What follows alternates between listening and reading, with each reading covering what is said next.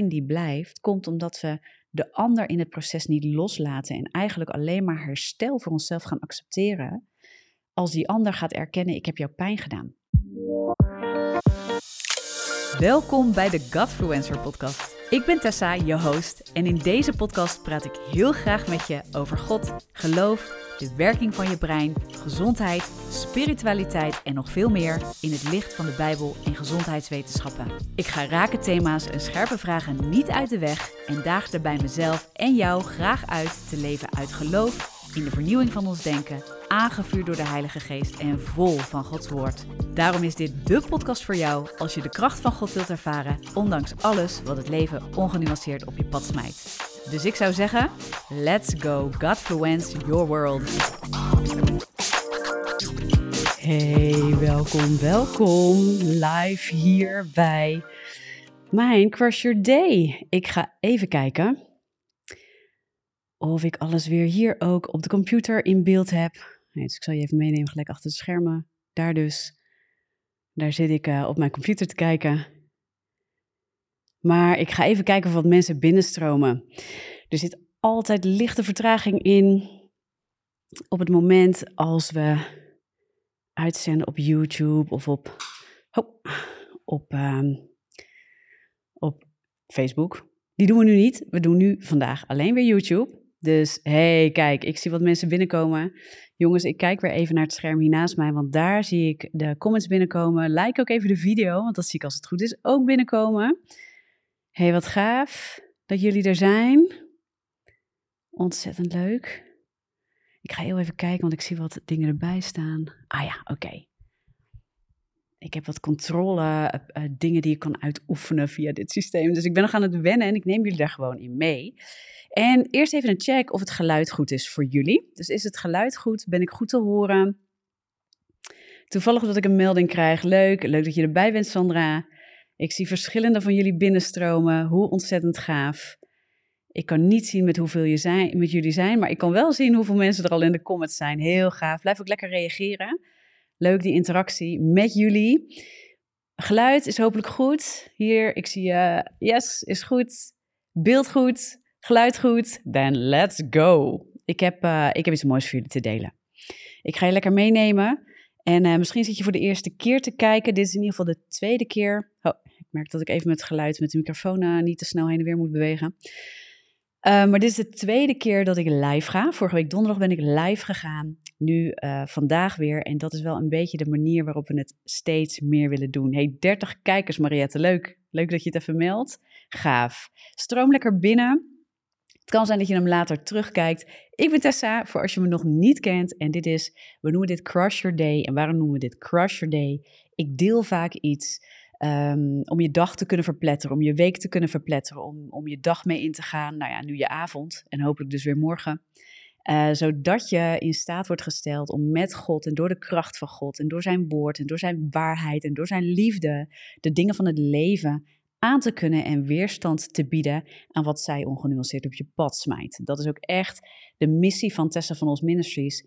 Om mensen vanuit hun wandel met God, vanuit de kracht van God, toe te rusten.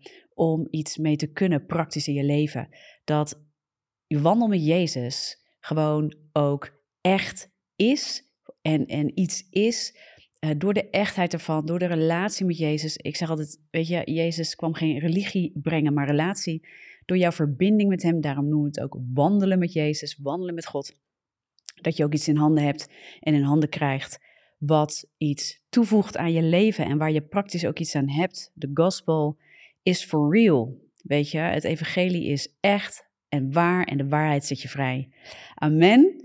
Dus um, heel erg gaaf om jullie er weer bij te hebben. Kijk, ik zie echt wel heel veel mensen. Hey, zie ik ook. Hey, leuk. Wat gaaf man, jullie hier te hebben. Super, super tof. Hey, en ik wil vandaag iets met je delen. Ik weet niet of je de titel hebt gezien. Nou ben ik de titel weer kwijt inmiddels. Neem ik niet meer in beeld. Maar zoek geen herstel bij de mensen die je pijn hebben gedaan. Of zoek geen herstel voor je pijn bij de mensen die je pijn hebben gedaan. En ik ga je uitleggen wat ik daarmee bedoel. En ik kwam er eigenlijk op door een quote of door een uitspraak die ik vandaag tegenkwam. Um, volgens mij was het inderdaad weer op Insta. En um, die Uh, die quote kwam van, ga ik even kijken van wie die kwam. Kende deze dame niet hoor, overigens. Volgens mij ook niet per se een christen, gelovige dame in die zin. Maar een hele krachtige uitspraak die zij deed in een interview met iemand. Het was een Engelse uitspraak, dus ik lees stukjes aan je voor. Dan vertaal ik hem gelijk, zodat je, zodat je hem kan meepakken. Want ik denk dat er iets heel wezenlijks in deze quote zat. En um, ja, ik ga het gewoon eens even met je delen. Ze zei het volgende. Do you really need the person who hurt you to tell you, I hurt you and I'm sorry and I feel awful that I did it? Ik ga het zo meteen vertalen. It is beautiful to get it, but do you need it? Dus wat zij vraagt is: heb je het echt nodig dat de persoon die jou pijn heeft gedaan naar je toe komt en tegen je zegt: Ik heb je pijn gedaan, het spijt me en ik voel me er heel gerot over? Het is mooi als iemand dat doet, maar heb je het nodig? vroeg zij. Knop je even je oren. Een hele mooie vraag. Dan vervolgt zij, ik ga weer even verder in het Engels. Do you not know how painful the pain was when you experienced it? Dus weet je niet hoe pijnlijk de pijn was toen je het onderging, toen het je overkwam? Do you need them to tell you how painful it was and give you permission to feel it? Dus wat zij vervolgens zegt is: heb je het nodig dat de persoon die jou pijn heeft gedaan jou vertelt dat het je pijn heeft gedaan en hoeveel pijn het je heeft gedaan om je toestemming daarmee te geven, uh, te voelen wat je voelt? Krachtig vond ik dit. Ik weet niet hoe jullie erover denken, maar laat eens even tot je, tot je doordringen. En dan zegt ze: You don't need it. The one who broke you cannot heal you. Oftewel, ze zegt, weet je, dit heb je niet nodig. Degene die je gebroken heeft of die je pijn heeft gedaan, kan jou niet herstellen, genezen. You have to heal you. You can't expect the person who broke you into pieces to bring those pieces and say I'm going to put you back together. Het is wat zij zegt is, je moet zelf tot heling komen. Je kunt niet verwachten dat de uh, persoon die jou gebroken heeft of die jou pijn heeft gedaan, um, de stukjes bij elkaar raapt en naar je toe komt en zegt: Ik ga je weer in elkaar zetten, ik ga je weer heel maken. Krachtige uitspraak. You can't do that. Or maybe you can, but why would you choose to do that? Oftewel, ze zegt: Dat kun je jezelf niet permitteren. Je kunt het jezelf, je kunt het doen, maar waarom zou je ervoor kiezen dat te doen? De persoon die jou gebroken heeft, moet je eigenlijk niet de, ruimte geven uh, om, om die positie in je leven te hebben, want ze gaan dat niet doen, over het algemeen. Dus ze zegt, someone who has the power to destroy you and uses that power, why would you trust them with rebuilding you? Ze zegt, weet je, waarom zou je iemand die de kracht heeft om jouw pijn te doen, waarom zou je die ook, uh, en, en die die kracht ook gebruikt heeft om je pijn te doen, waarom zou je die vertrouwen met het ja, rebuilding you, met het tot herstel brengen van jou. Nou, tot zover deze, deze uitspraak. Ik weet niet um, hoe je dat ervaart, maar heel krachtig. En dan zegt ze op een gegeven moment, hey, you have to heal you. En uh, waarom zou je de persoon vertrouwen? Hele goede dingen om eens over na te denken. Nou, you have to heal you, dat, dat roept bij ons als christenen nog wat andere associaties op. Ja, hoezo zou ik mezelf herstellen? Ik heb Jezus om het te herstellen. 100% mee eens. Maar uh, ook Jezus spreekt uh, en ook God spreekt in zijn woord regelmatig over de verantwoordelijkheid die wij ook zelf hebben in tot herstel komen of herstel laten uh, toelaten. Of hè, dat, dat eigenlijk ook rentmeester zijn over bepaalde herstelprocessen in ons eigen leven. En zo spreekt de Bijbel daar ook over dat we bepaalde dingen uh, wel moeten doen of juist niet moeten doen, om die principes van God werkzaam te laten zijn in ons leven, hè, in onze geest, voor onze ziel en ook voor ons lichaam. En ik vond het wel interessant om iets met je te delen, wat ik ook heel vaak deel als therapeut. Ik, ik, ik, voor, tot voor kort was ik ook nog therapeut en ik ben nog steeds therapeut, maar ik ben niet meer werkzaam als therapeut. Maar wat ik veel deelde met mensen is, luister, je lichaam, dus als fysiotherapeut werk ik heel veel met blessures in het lichaam, klachten in het lichaam. En dan zei ik wel van joh, bij een blessure of bij een klacht in je lichaam is het goed om dingen te doen die het vermogen van je lijf om tot herstel te komen. Je lichaam heeft in een bepaalde mate ook zelfherstellend vermogen. Kijk naar een wondje. Als je een wondje hebt, dan gaat het ook weer dicht. Dat herstelt. Een norm, en daarom spreken we in de therapiewereld ook van een normaal herstelproces en een afwijkend beloop of een afwijkend herstelproces. En vaak een normaal herstelproces beloopt bepaalde fases in een bepaalde tijd. Ligt aan de wond, ligt aan de, aan de blessure, uh, hoe lang of hoe kort dat duurt. Maar daar zitten normale belopen in. En er zijn allemaal factoren van invloed die dat uh, beloop kunnen bevorderen, of die dat beloop kunnen vertragen, of zelfs helemaal kunnen belemmeren. Nou, en ik geloof ook dat het met dit, wat zij dan uitlegt op haar manier, maar waar ik heel veel uh, mooie waarheid in zie zitten, zeg maar, um, zegt zij ook uit, you, you, need to heal you. Oftewel, je moet jouw herstel, ik vertaal het even naar, naar hoe ik daar dan een stukje vertaling naar zou geven, van, van hoe zou ik dat dan adviseren. Je moet, je moet, je moet niks, zeg ik wel eens, maar je moet tegelijkertijd van alles. Uh, om zaken van God ook vrij te zetten in je leven of te laten zetten in je leven. Kijk, God wil je wel zegenen en God wil je wel herstellen en tot herstel brengen. Maar wij mogen in dat proces ook dingen leren om los te laten of om ons niet toe te eigenen. Want we kunnen soms iets willen toe-eigenen of ergens aan vasthouden, uh, waardoor ook bitterheid of wrok kan ontstaan. En die dingen staan ons letterlijk echt in de weg. De Bijbel spreekt daarover bijvoorbeeld dat bitterheid en wrok uh, herstel in de weg staan. Maar wetenschap toont dat ook aan. We weten vanuit wetenschap dat zelfs tot in het lichaam beperkingen in herstel kunnen optreden. Hè, dus in dat normale beloop van bepaalde uh, herstelprocessen. Um, dat, er, dat er belemmeringen optreden uh, vanuit bitterheid. Dat bitterheid dusdanig een effect heeft, zelfs op je lichamelijk herstel, dat dat remt en, en belemmert en dingen zelfs kapot maakt. Het gaat zelfs zo ver dat uh, bepaalde ziektebeelden, uh, bepaalde processen in het lichaam, ontstekingsprocessen ook, aangewakkerd kunnen worden door langdurige bitterheid. Ik wil er altijd voorzichtig mee zijn dat je niet oorzaak en gevolg heel zwart-wit gaat communiceren of naar jezelf of naar een ander. hey, je hebt ontsteking in je lijf, dat is ook wel even heel zwart-wit gezegd. Het gaat over bepaalde specifieke dingen, maar daar ga ik nu even niet op in. Uh, dus je zult wel bitter zijn. Daar moet je echt mee uitkijken. Hè? Ga dat niet zomaar doen. Maar als mensen kampen met bepaalde ziektebeelden, hè, wij wisten dat vanuit, of ik weet dat vanuit de therapiewereld, kon ik op een gegeven moment wel vragen gaan stellen door een stukje inzicht van, hey, kamp je ergens mee? Zit je mentaal al langere tijd vast? Heb je, heb je last van boosheid of woede in een bepaald gebied van je leven? En dan konden we daar wel gesprekken over openen. Dus heel mooi wat de Bijbel over dat soort dingen zegt. dus uh, Spreuken 17, vers 22. Het is mijn live tekst, mijn live spreuk. Pak hem er even bij. Oh, als het goed gaat hier. de Spreuken 17, vers 22, ik lees hem even uit de HSV. Daar staat: Een blij hart bevordert de genezing, maar een neerslachtige geest doet de beenderen verdorren. Dus niet alleen een blij hart bevordert de genezing, maar een neerslachtige geest doet de beenderen verdorren. Wow. Dat is nogal wat wat er staat. Weet je, dus um, ja, dat is wel heel krachtig. Ik ga ondertussen heel even kijken of er nog um, mooie opmerkingen zijn voor jullie, of comments, zoals we dat noemen. Ik ga hem een klein beetje schuiven, zo. Ja, maar die, ik vond hem krachtig. En dus you heal you, you need to heal you. Oftewel, even de, de koppeling naar wat zij verder ook zegt. Hè. Zorg nou dat je, en dat vond ik in het, in het begin wat ze zegt. Ik, ik pak hem er even opnieuw bij. Dit vond ik heel krachtig, wat zij zei. En dit is ook echt een waarheid.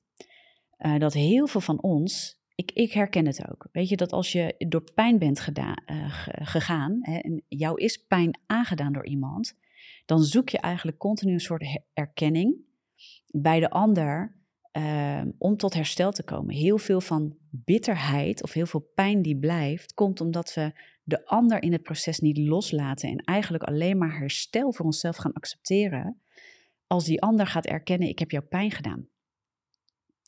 En eigenlijk hebben we daardoor een soort uh, een vals beeld gekregen van ons eigen herstelproces. Wij denken dat we echt een bepaalde verzoening moeten hebben met iemand of een erkenning moeten krijgen van iemand.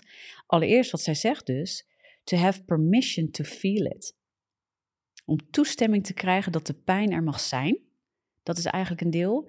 En omdat we die toestemming van de ander niet krijgen, we worden niet erkend. Jij hebt mij pijn gedaan, diegene her, ja, herkent misschien het ook niet, maar erkent het niet. Want het is niet altijd, laat ik dat even vooropstellen, uh, om de ander vooral de schuld in de schoenen te schuiven en, en, vooral heel erg in je eigen, ik word niet erkend in mijn pijn te gaan zitten. Ik voel me afgewezen en ik, ik, ik voel me heel rot daarin. Soms herkent de ander echt niet dat hij het verkeerd heeft gedaan. Maar laten we het even bij onszelf houden. Of dat nou bewust of onbewust is geweest dat iemand je pijn heeft gedaan. De ander erkent het in ieder geval niet. Als wij dan dat herstel, dus het allereerst erkennen van onze eigen pijn, ophangen aan het wel of niet erkend worden in de pijn door degene die ons pijn heeft gedaan. Ik hoop dat je het nog kan volgen. Dan gaat het ook belemmeren in tot herstel komen. Want de pijn mag je gewoon gaan accepteren als zijn van hé, hey, ik heb hier last van. Dit, heeft mij pijn gedaan. Dit gaat in tegen mijn waarden en normen. Of dit gaat in uh, of over mijn grenzen. Of wat het ook is geweest. Weet je, en als we dan niet oppassen en we gaan ons herstel laten afhangen van de erkenning die we wellicht soms in sommige gevallen gewoon nooit gaan krijgen van iemand, dan kom je dus niet meer tot herstel. En wat dit voor dingen vaak uitwerkt, is een soort rouwproces wat, wat je afremt. Hè? Dus je gaat niet door, je komt niet tot herstel, want je zoekt continu die, eerst die erkenning van die pijn. Ehm, of het uh, veroorzaakt zelfs bitterheid um, en dat je vast blijft zitten in de slachtofferrol. Het gaat je vasthouden en vastzetten in de slachtofferrol. Ja, dus hey, kijk, ik zie wat andere mensen binnenkomen. En jullie, doen ondertussen ook wat chatten met elkaar, geloof ik, hè? mooi om je erbij te hebben, Cynthia ook. Kijk, hey Maartje. Wat mooi. dus het is, het is zo cruciaal dat we een goed beeld gaan krijgen van, van onze eigen verantwoordelijkheid in de pijn. En ehm, dat wil niet zeggen dat je, dat je er maar lichtelijk, lichtzinnig overheen stapt. Dat zeg ik niet. Maar loslaten betekent dat je het idee gaat loslaten dat jij de ander die jouw pijn heeft gedaan nodig hebt voor jouw herstel. En dan vooral in de zin van dat je de erkenning van de ander, de sorry van de ander nodig hebt voor jouw herstel en de erkenning van jouw eigen pijn. Want het gaat niet werken. En dan weet je, wat, het is mooi, wat zij ook zegt, hè? Het is mooi als je die erkenning krijgt. Er zijn prachtige en dan zijn dat vaak ook die momenten dat je in één keer kan je het loslaten en dan is het ineens veel sneller hersteld, lijkt het wel. Dus natuurlijk zoeken we dat, want we zoeken vaak verzoening, we zoeken vaak die liefde. Uh, pijn komt vaak omdat een band ook wordt verbroken, omdat we een bepaalde liefdesband hebben ervaren of een, uh, een band waarbij we ervan uitgaan dat er liefde aan ten grondslag ligt. En we komen erachter, hé, hey, dat is het misschien niet. En dus is misschien uh, de actie in zichzelf pijnlijk, maar wat eronder gebeurt is misschien nog wel veel pijnlijker. Namelijk de band die verbroken is of het verkeerde beeld wat je had. dus je voelt je verraden vaak en afgewezen in de hele persoon. En dat zijn hele pijnlijke processen. En toch is het goed om dan te gaan zeggen: Weet je, deze persoon wellicht gaat gewoon nooit mij die sorry geven. Sterker nog, er zijn mensen die andere mensen pijn doen. En we geven hen de macht en de kracht. En die blijven we aan hen geven. Als we hen eigenlijk zeggen: Je hebt mij pijn gedaan. En ik wil eigenlijk dat je het erkent en zolang je dat niet doet, wat er dan bij ons gebeurd is, dan blijf je vastzitten in de pijn en ten diepste geef je de, de macht over jou in die pijn, uh, geef je aan de ander die jou ooit heeft pijn gedaan. En dan blijf je dus een slachtoffer van wat jou ooit is overkomen. En dit, nogmaals, dit bedoel ik niet lichtzinnig, want je hoeft niet te ontkennen dat het je is overkomen en je hoeft er niet overheen te stappen of het los te laten door er maar overheen te stappen en dan ja, ja, ik moet er, dan moet ik het maar hiermee doen. Dat bedoel ik niet. Maar wat wel heel belangrijk is, is dat je het erkent voor jezelf en dat je dan de verantwoordelijkheid neemt voor het proces daarna. En dat je zegt, ik vergeef de ander. Als je, misschien dat je die Crush Day nog niet hebt gezien, maar ik heb een Crush Day gemaakt over vergeving. Hoe kun je daar bijbels naar kijken? Hoe kun je daarmee omgaan? Ook heel praktisch voor jezelf. Um, zonder jezelf daarin in die zin te verlogenen, zonder je eigen proces te verlogenen, maar wel los te komen van de ander, maar ook in liefde de ander te blijven zien. Want we zijn allemaal onvoorkomen. We all fall short to the glory of God. Weet je, we hebben allemaal onze fouten, onze problemen. We zeggen allemaal dingen die een ander kwetsen. Ehm, en we hebben dus allemaal Jezus nodig. En dat wil niet zeggen dat je de daad van de ander goedkeurt, maar wel dat je zegt, weet je, ik ga er tussenuit. Ik ga mijn herstel met Jezus doen. Ik heb jou voor dat herstel niet nodig. En niet, niet vanuit een houding, ik heb jou niet nodig hoor. Hè? Van een attitude, zeg maar, die je er overheen zet. Maar echt, ik weet, ik heb jou niet nodig, want ik heb Jezus. En hij heeft mij de verantwoordelijkheid gegeven, de principes gegeven, de mogelijkheden gegeven. En ook nog eens, even, nog eens eens de bovennatuurlijke kracht verleend door zijn geest in mij om tot herstel te komen. En daar waar ik het niet kan, daar zegt Jezus. Tegen de man ehm, met de maanzieke, dat is de maanzieke jongen. Uh, Marcus 9 staat dat onder andere, als ik me even niet vergis. Waarbij Jezus op een gegeven moment aan, aan de vader van, van die jongen vraagt: De discipelen kunnen hem niet bevrijden. Dus die jongen ligt te rollen over de grond, te schuimbekken. Die wordt belaagd door een demon. En Jezus vraagt aan die vader: uh, Hoe lang heeft hij dit al? En uh, wat kan ik voor je doen? En dan zegt hij: Heer, genees, mijn, genees mijn zoon. En, um, en kom mijn ongeloof tegemoet. En, in die context zegt Jezus: um, Alles is mogelijk voor hij die gelooft. In die context. Weet je, dus ook dat is voor jou en mij. In die context van waar we pijn hebben, waar, waar uh, machten ons misschien wel uh, ergens in hebben geduwd, um, invloed hebben gekregen op ons leven, ook door wat er misschien is gebeurd in het verleden, trauma's die we hebben meegemaakt, zegt Jezus dit.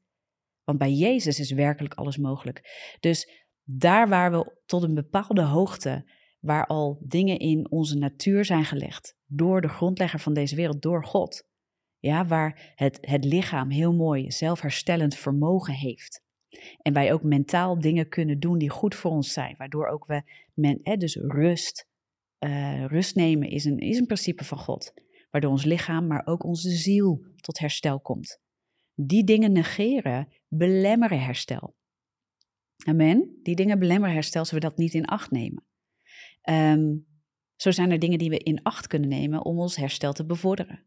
Maar geestelijk, met Christus, ben je ook nog eens een nieuwe schepping in de geest, geestelijke wereld wou ik zeggen, maar in de geest, aan jou gegeven. En is er ook nog een bovennatuurlijke werking waarvan je mag vragen, Heer, kom een ongeloof tegemoet. Want u zegt in uw woord, alles is mogelijk voor hij die gelooft, voor hen die geloven. En ik geloof, want ik vertrouw op u. En voor waar ik het niet kan, en waar mijn lichaam het niet kan, en waar ik het zelf niet kan, en waar ik het niet zie. Ik weet, bij u is er doorbraak mogelijk. En misschien is dat ook goed om te bidden, dat je zegt, Heer, dank u wel. Dat bij u is alles mogelijk. U leidt ons in de volheid van uzelf, dat zegt Efeze. En de geest leidt tot de volle waarheid en het kennen van God. Amen. En wij kunnen ons denken vernieuwen. Door de vernieuwing van, van uh, we zijn een nieuwe schepping. En door de vernieuwing van ons denken, door de vernieuwing van onze gezindheid, kunnen we, kunnen we tot inzichten komen. Die van God zijn en die ons tot herstel brengen. En dan kunnen we wandelen in de principes van God, vanuit de ver verantwoordelijkheid en de autoriteit die Hij ons heeft gegeven. En daarbij kunnen we ook in onze roep naar God in de nood die we hebben, ons vertrouwen stellen op de Allerhoogste. Je geloof stellen op de Allerhoogste. En dan zegt Jezus, kom maar en ik kom je ongeloof tegemoet. Amen. Ik ga even kijken in de comments. Want hoe tof um, dat jullie met zoveel zijn. Hey Sandra, leuk je hier ook te zien. Wilja zie ik. Sommige ken ik van jullie, hè, want die, die zie ik ook op de socials langskomen. Of die heb ik wel eens ontmoet. Of, nou weet je, en een aantal van jullie zie ik hier voor het eerst. Oh, het is zo leuk jongens om jullie hierbij te hebben. hey, hoe valt deze? Hoe lang ben ik alweer aan het kletsen jongens? 20 minuten, zo'n beetje. Ik vond, hem, uh, ik vond hem echt voor mezelf bijvoorbeeld heel erg binnenkomen. Hij kan van je pijn je passie maken, ja wil ja. Dat is zeker zo. Weet je, heel veel dingen waar, waar, pijn, heeft, oh, waar pijn heeft gezeten. Uh, ik heb dat ook gezien bijvoorbeeld in mijn depressie. Hè? Ik weet niet of je mijn boek hebt gelezen depressie ontwapend. Um, ik spreek ook vanuit een stukje getuigenis en ik spreek daar ook uit mijn wandel met Jezus en de dingen die ik heb mogen leren vanuit mijn wandel met Hem, vanuit de geest. En, um, en ook het woord van God, de Bijbel, hoe daar sleutels in liggen voor ons leven. En ik leerde ook dat God in zijn bovennatuurlijke kracht heel veel, weet je, Hij wil alles aan ons geven. Maar het is ook zaak dat we gaan dat de vernieuwing van denken ook komt. Zeker ook als je te maken hebt met, met een geestelijke wereld, waarin Gods geest wil je in de waarheid vrijzetten. Maar er is een demonische wereld, er zijn machten en krachten van de duisternis. En Jezus, dat staat in het woord, Jezus heeft deze machten en krachten reeds ontroond. Maar hij heeft ons door hem, door zijn Heilige Geest, de autoriteit verleend. Ja, dus als je wedergeboren bent, je hebt je leven aan Jezus gegeven, je bent gedoopt in de Heilige Geest en in water, ja, in geest en water. En dan heb je die kracht van God, de geest is in je. Ja, je volgt Jezus. Hij is koning, hij is verlosser in je leven. Je beleidt dat, je beaamt dat. Dan mag je weten dat de autoriteit van hemzelf is aan je gegeven om ook dit soort machten en krachten een halt toe te roepen in je leven. Weet je, en uh, dan mag je zeggen de naam van Jezus wijk van mij, ga uit mij, ga weg van mij. Maar ik heb ook gemerkt dat het dan zo belangrijk is dat je je denken vernieuwt. Dat je ook de leugens die in je zijn gesetteld, ergens door wat voor reden ook, door de dingen die ons zijn overkomen, door de dingen die we zijn gaan denken, gaan aannemen over onszelf, doordat we dingen al heel lang hebben gevoeld, hebben ervaren, uh, zijn dat waarheden geworden in ons denken. En soms moet dat eerst openbaar worden. Weten we helemaal niet dat dat eigenlijk leugens zijn, die voor ons waarheden zijn geworden. En zodra dat openbaar komt, is het zaak dat je je denken vernieuwt. Dat je gaat aannemen wat God vindt, wat God zegt, wat Hij heeft voor jouw leven. En soms voelt het heel tegenstrijdig aan wat we gewend zijn. Daarom geloof ik ook dat heel veel mensen soms, ook als christen, nog zo worstelen. En ik, ik weet niet wie herkent dat. Um, ik bedoel, eh, we zijn allemaal lerende. Maar ik heb heel lang geworsteld met depressie. En voor een groot deel durf ik je wel te zeggen dat het was omdat waarheden niet gevestigd in mij waren. En ik ook niet wist dat dat kon. Toen ik dat ging leren, wow, toen ging het heel snel. En ik kende God al. En ik kende, ik was me heel bewust van de geestelijke wereld. Ik heb eh, voor dat moment dat ik echt tot dat herstel kwam, in, in 2009 was het geloof ik zo'n beetje, uh, zeg ik dat goed? Ja, volgens mij wel. Oh, de tijd. Um, had ik, had ik zo'n 10, 11 jaar geworsteld met depressie. En maar al die jaren kende ik wel God. En ik had dingen gezien in de geestelijke wereld. Ik ben gevoelig in de geestelijke wereld. Um, er was vaak gebeden. Weet je, en, en, en ik bad ook. En ik was ook mensen aan het helpen. En ik bad ook voor bevrijding en genezing toen al. Daar wandelde ik in. Maar toch dat ding. En ik leerde later pas, gewoon omdat ik nog zonder kennis was. Omdat ik op de een of andere manier nog niet tot die kennis was gekomen, was over de vernieuwing van denken. God openbaarde mij dat. Dat kun je lezen in mijn boek. Daarom is het alleen al mooi om dat boek te lezen, weet je. En niet per se alleen maar als je kan met depressie, maar ook als je meer wilt weten over de vernieuwing van je denken en, en over hoe dat soort dingen werken en, en sleutels die ik daar ook in uitdeel, vanuit wat God me heeft geleerd en wat voor mij tot herstel, uh, of, of mij tot herstel bracht in dat hele proces. Amen. Dus ja, laat dat ook een bemoediging voor je zijn. Uh, eens even kijken hoor. Ik ga even, ik ga even meekijken met jullie. Zijn er nog, weet je, zijn er vragen op dit moment? Kijk, heel mooi. Het boek is heel helpend. Ook bij andere problematiek. Ja, wil jij heel mooi dat je dat zegt. Mooi boek, zie ik hier, Selma. Dankjewel. Wat gaaf om te horen en te lezen voor jullie. Hoe heet het boek, Jolanda? Het boek heet Depressie ontwapend. Misschien kan een van jullie het erin zetten, maar ik kan het er zelf ook in zetten. Kijk, Depressie ontwapend. Ik ga even wat proberen, jongens, voor mij een mooie test. Microfoon mee. Ik ga even wat opschrijven. Gratis te bestellen op de website tessavanholst.com. Ik hoop dat ik het goed doe. Ik ga kijken of jullie het kunnen lezen. Check of je het kan lezen. Als het goed is, komt mijn comment ook bij jullie in uh, YouTube erin. Dankjewel. Ja, Jolanda, het is gratis te bestellen. Um, omdat we dat uh, vanuit, uh, vanuit de ministry doen, vanuit de stichting doen we dat. En uh, daarom zijn we ook zo dankbaar voor onze partners. En iedere, uh, ieder mens die, uh, die heeft gezaaid in de bediening en die zaait. En op dit moment zaait en misschien zit je te kijken en denk je, oh dit is gaaf, weet je. Alles wat jullie doen, de content die je maakt, um, de boodschap die de ministry uitdraagt. Ga dan ook even naar de website. Als je partner wil worden of je wil ons steunen met een eenmalige gifte. Je wil ons zaaien in het Koninkrijk van God. Weet je dan, dit is ook de vrucht. We hebben inmiddels, we zitten er net op. We zijn de derde druk aan het bestellen, maar er zijn 10.000 boeken weggegeven. En er zijn gewoon heel veel levens door veranderd. Heel veel levens zijn er positief veranderd. Het heeft een enorme impact uh, gedaan in vele levens. We hebben vele getuigenissen mogen terugkrijgen van onder andere dit boek. En ik ben nu met uh, nieuwe boeken weer bezig om daar weer meer content over te maken. Dus je helpt als je partner bent, je zaait in de ministry.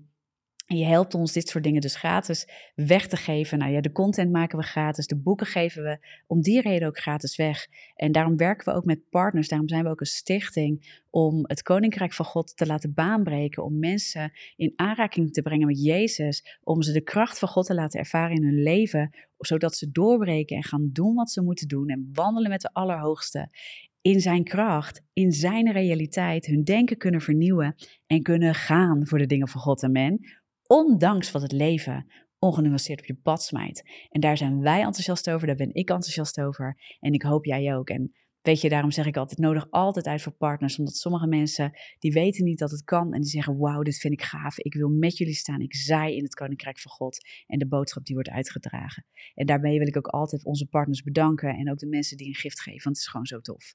Om samen op die manier te bouwen en te staan. En we zien zulke gave dingen tot stand komen. Dus amen. We zien mensen vrijkomen, ook vrijkomen onder die machten en krachten uit, waar Jezus voor aan het kruis is gegaan en ons van heeft bevrijd. We zien mensen tot herstel en genezing komen. En dat is de gospel, weet je, dat is het evangelie. Het evangelie is krachtig, heel krachtig en echt. En het doorbreekt echt, het verplettert je dag. En die kracht is aan ons gegeven in Hem. Niet door eigen kracht, maar door Zijn offer en zijn kracht, door de kracht en de liefde van God. Amen. I'm preaching now. Dat is het. Echt wel, wordt er gezegd. Amen. Ja? Dus, uh, wauw, hele mooie reacties. Hey, ik weet niet of er nog vragen zijn, maar ik, uh, ik ga hem zo meteen afsluiten. Hij komt dan straks, er was vorige keer echt een gedoe mee. Ik dacht, oh, ben ik niet alweer de live comments kwijt? Maar YouTube moet even, heeft even tijd nodig om te uploaden. Dus later, dat kan echt even duren. De vorige keer duurde het een ja, zo'n 12 uur voordat de live comments ook weer terug te lezen waren. Maar deze live comments van jullie worden allemaal bewaard. Hoe tof toch? En uh, dus die komen later in beeld, die kun je terugkijken. En je kunt later, als je terugkijkt, kun je niet meer in de live sectie, uh, dus de live chat kun je niet meer reageren. Maar je kunt wel onder de video in de normale reacties reageren. Dus hartstikke gaaf als je nog een comment achterlaat. En ik zeg altijd, hou het netjes hè, op YouTube. Wees respectvol en liefdevol. En um, nou, dan komt het helemaal goed. Ik ga hem zo afsluiten. Ik zit met een big smile hier te kijken, want ik vind het uh, heel mooi. Hier, God, het is God en God alleen. Amen, Els. Het is God en God alleen. Ja, Hij verleent ons kracht. Hij verleent ons inzicht. Hij verleent ons de principes van leven. Hij is leven. Hij is liefde. Hij is licht. En, uh, en wij mogen schitteren door en in Hem. Omdat Hij ons is voorgegaan. Hij is onze koning. Jezus heeft het allemaal gewoon gedaan. Hij heeft het allemaal vrijgezet. hey, dus ik ga afsluiten. Ik zou zeggen, be blessed heel veel zegen. Dat dit woord, dat dit inzicht je weer mag zegenen. Dat het je weer praktisch iets mag meegeven. Dat het iets mag omzetten in je leven als je hiermee worstelt. Dat je dingen kunt loslaten. Niet door het te overschreeuwen, niet door er gewoon blindelings overheen te stappen. Maar door ermee te dealen vanuit Gods principes, vanuit zijn waarheid. Mensen te kunnen vergeven en jezelf niet langer in bitterheid te zien en te vinden. Maar ook je herstel niet af te laten hangen van mensen als alleen Jezus van God en van de processen en de principes die Hij jou heeft gegeven en met Hem dat aan te gaan. Amen. En mensen die Hij gebruikt om je tot herstel te brengen. Er zijn goede coaches, counselors, goede vrienden die wel degelijk jou kunnen meenemen in een stukje proces en herstel. Kijk, die mensen, ga die herkennen, ga die vertrouwen. Dus laat ook niet een, een wantrouwen opkomen in je hart naar ieder mens, doordat je beschadigd bent door anderen. En het is spannend soms en mensen zijn onvolkomen, dus alleen Jezus is ten volle te vertrouwen. Maar probeer mensen ook te zien voor de periodes waar je in zit. Dat ze misschien iets kunnen helpen in hun onvolkomenheid. Als je goed bedoelingen gaat herkennen, kunnen mensen soms onhandig dingen zeggen. Maar dan weet je, dit is om mij op te bouwen in liefde. En hoe het eruit komt. Maar dan weet je, die band is goed, die relatie is goed. En ga dat ook weer toelaten in je leven. En dat is stapje voor stapje soms. Maar daar wou ik je nog even mee zegenen met dat woord. Amen. Hey, be blessed. Nogmaals. En ik zie jullie. Ik weet niet of het volgende week gaat lukken, jongens. Live. Ik heb nog een hele drukke week. Maar dit willen we dus elke week gaan doen. En ik ben nog aan het testen. Donderdag, woensdag, 8 uur s avonds, 10 uur s ochtends. Ik heb geen idee. Dus laat dan straks even in de comments achter wat je voorkeur heeft. Dat je denkt, nou, dit vind ik wel een interessante tijd. Dit is wel een goede dag. Dan ga ik het nog even meenemen. Oké? Nogmaals, ik zie jullie heel graag in de volgende keer.